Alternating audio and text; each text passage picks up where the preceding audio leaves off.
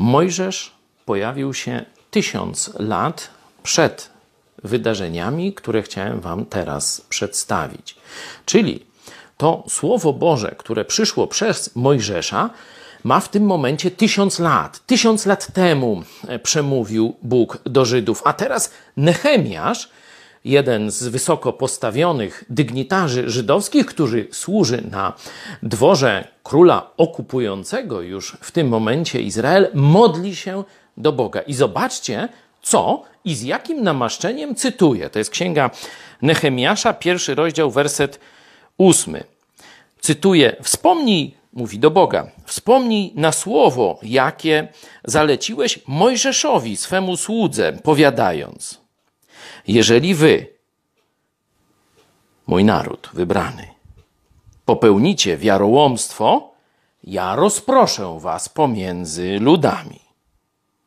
Lecz jeżeli nawrócicie się do mnie i będziecie przestrzegać moich przykazań i spełniać je, to choćby wasi rozproszeni byli na krańcu niebios i stamtąd ich zbiorę i sprowadzę na miejsce, które obrałem na mieszkanie dla mojego imienia.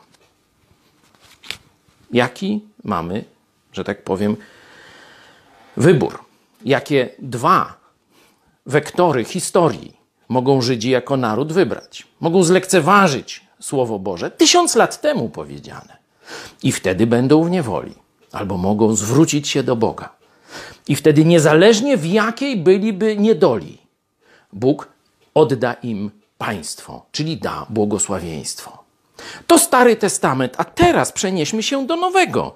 Apostoł Paweł Grekom na, na Reopagu mówi: Z jednego pnia wywiódł też wszystkie narody ludzkie, aby mieszkały na całym obszarze ziemi, ustanowiwszy dla nich wyznaczone okresy czasu i granice ich zamieszkania, żeby szukały Boga, czy go może nie znajdą i nie wyczują, bo przecież nie jest on daleko od każdego z nas.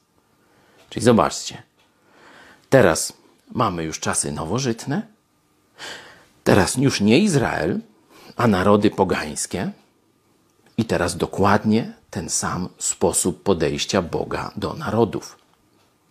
Bóg chce, aby narody go szukały, a nawet więcej, nie tylko szukały, ale go znalazły i usłuchały. Dokładnie tak, jak Żydzi kilkaset lat wcześniej, kiedy mówiliśmy o Nehemiaszu.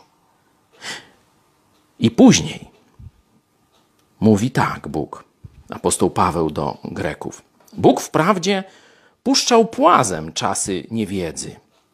Teraz jednak wzywa wszędzie wszystkich ludzi, aby się nawrócili. Znowu narody mają wybór. Albo przyjść do Jezusa i otrzymać Boże błogosławieństwo, te państwa, te narody, które to zrobią, to teraz też widzimy, jakiego błogosławieństwa dostępują.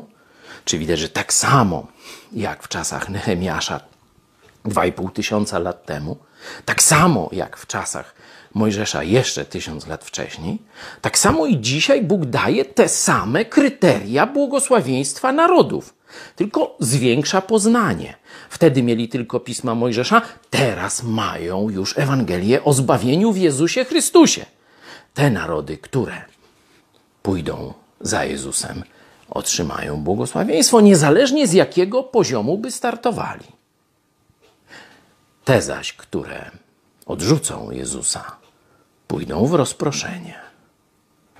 A na koniec jest sąd.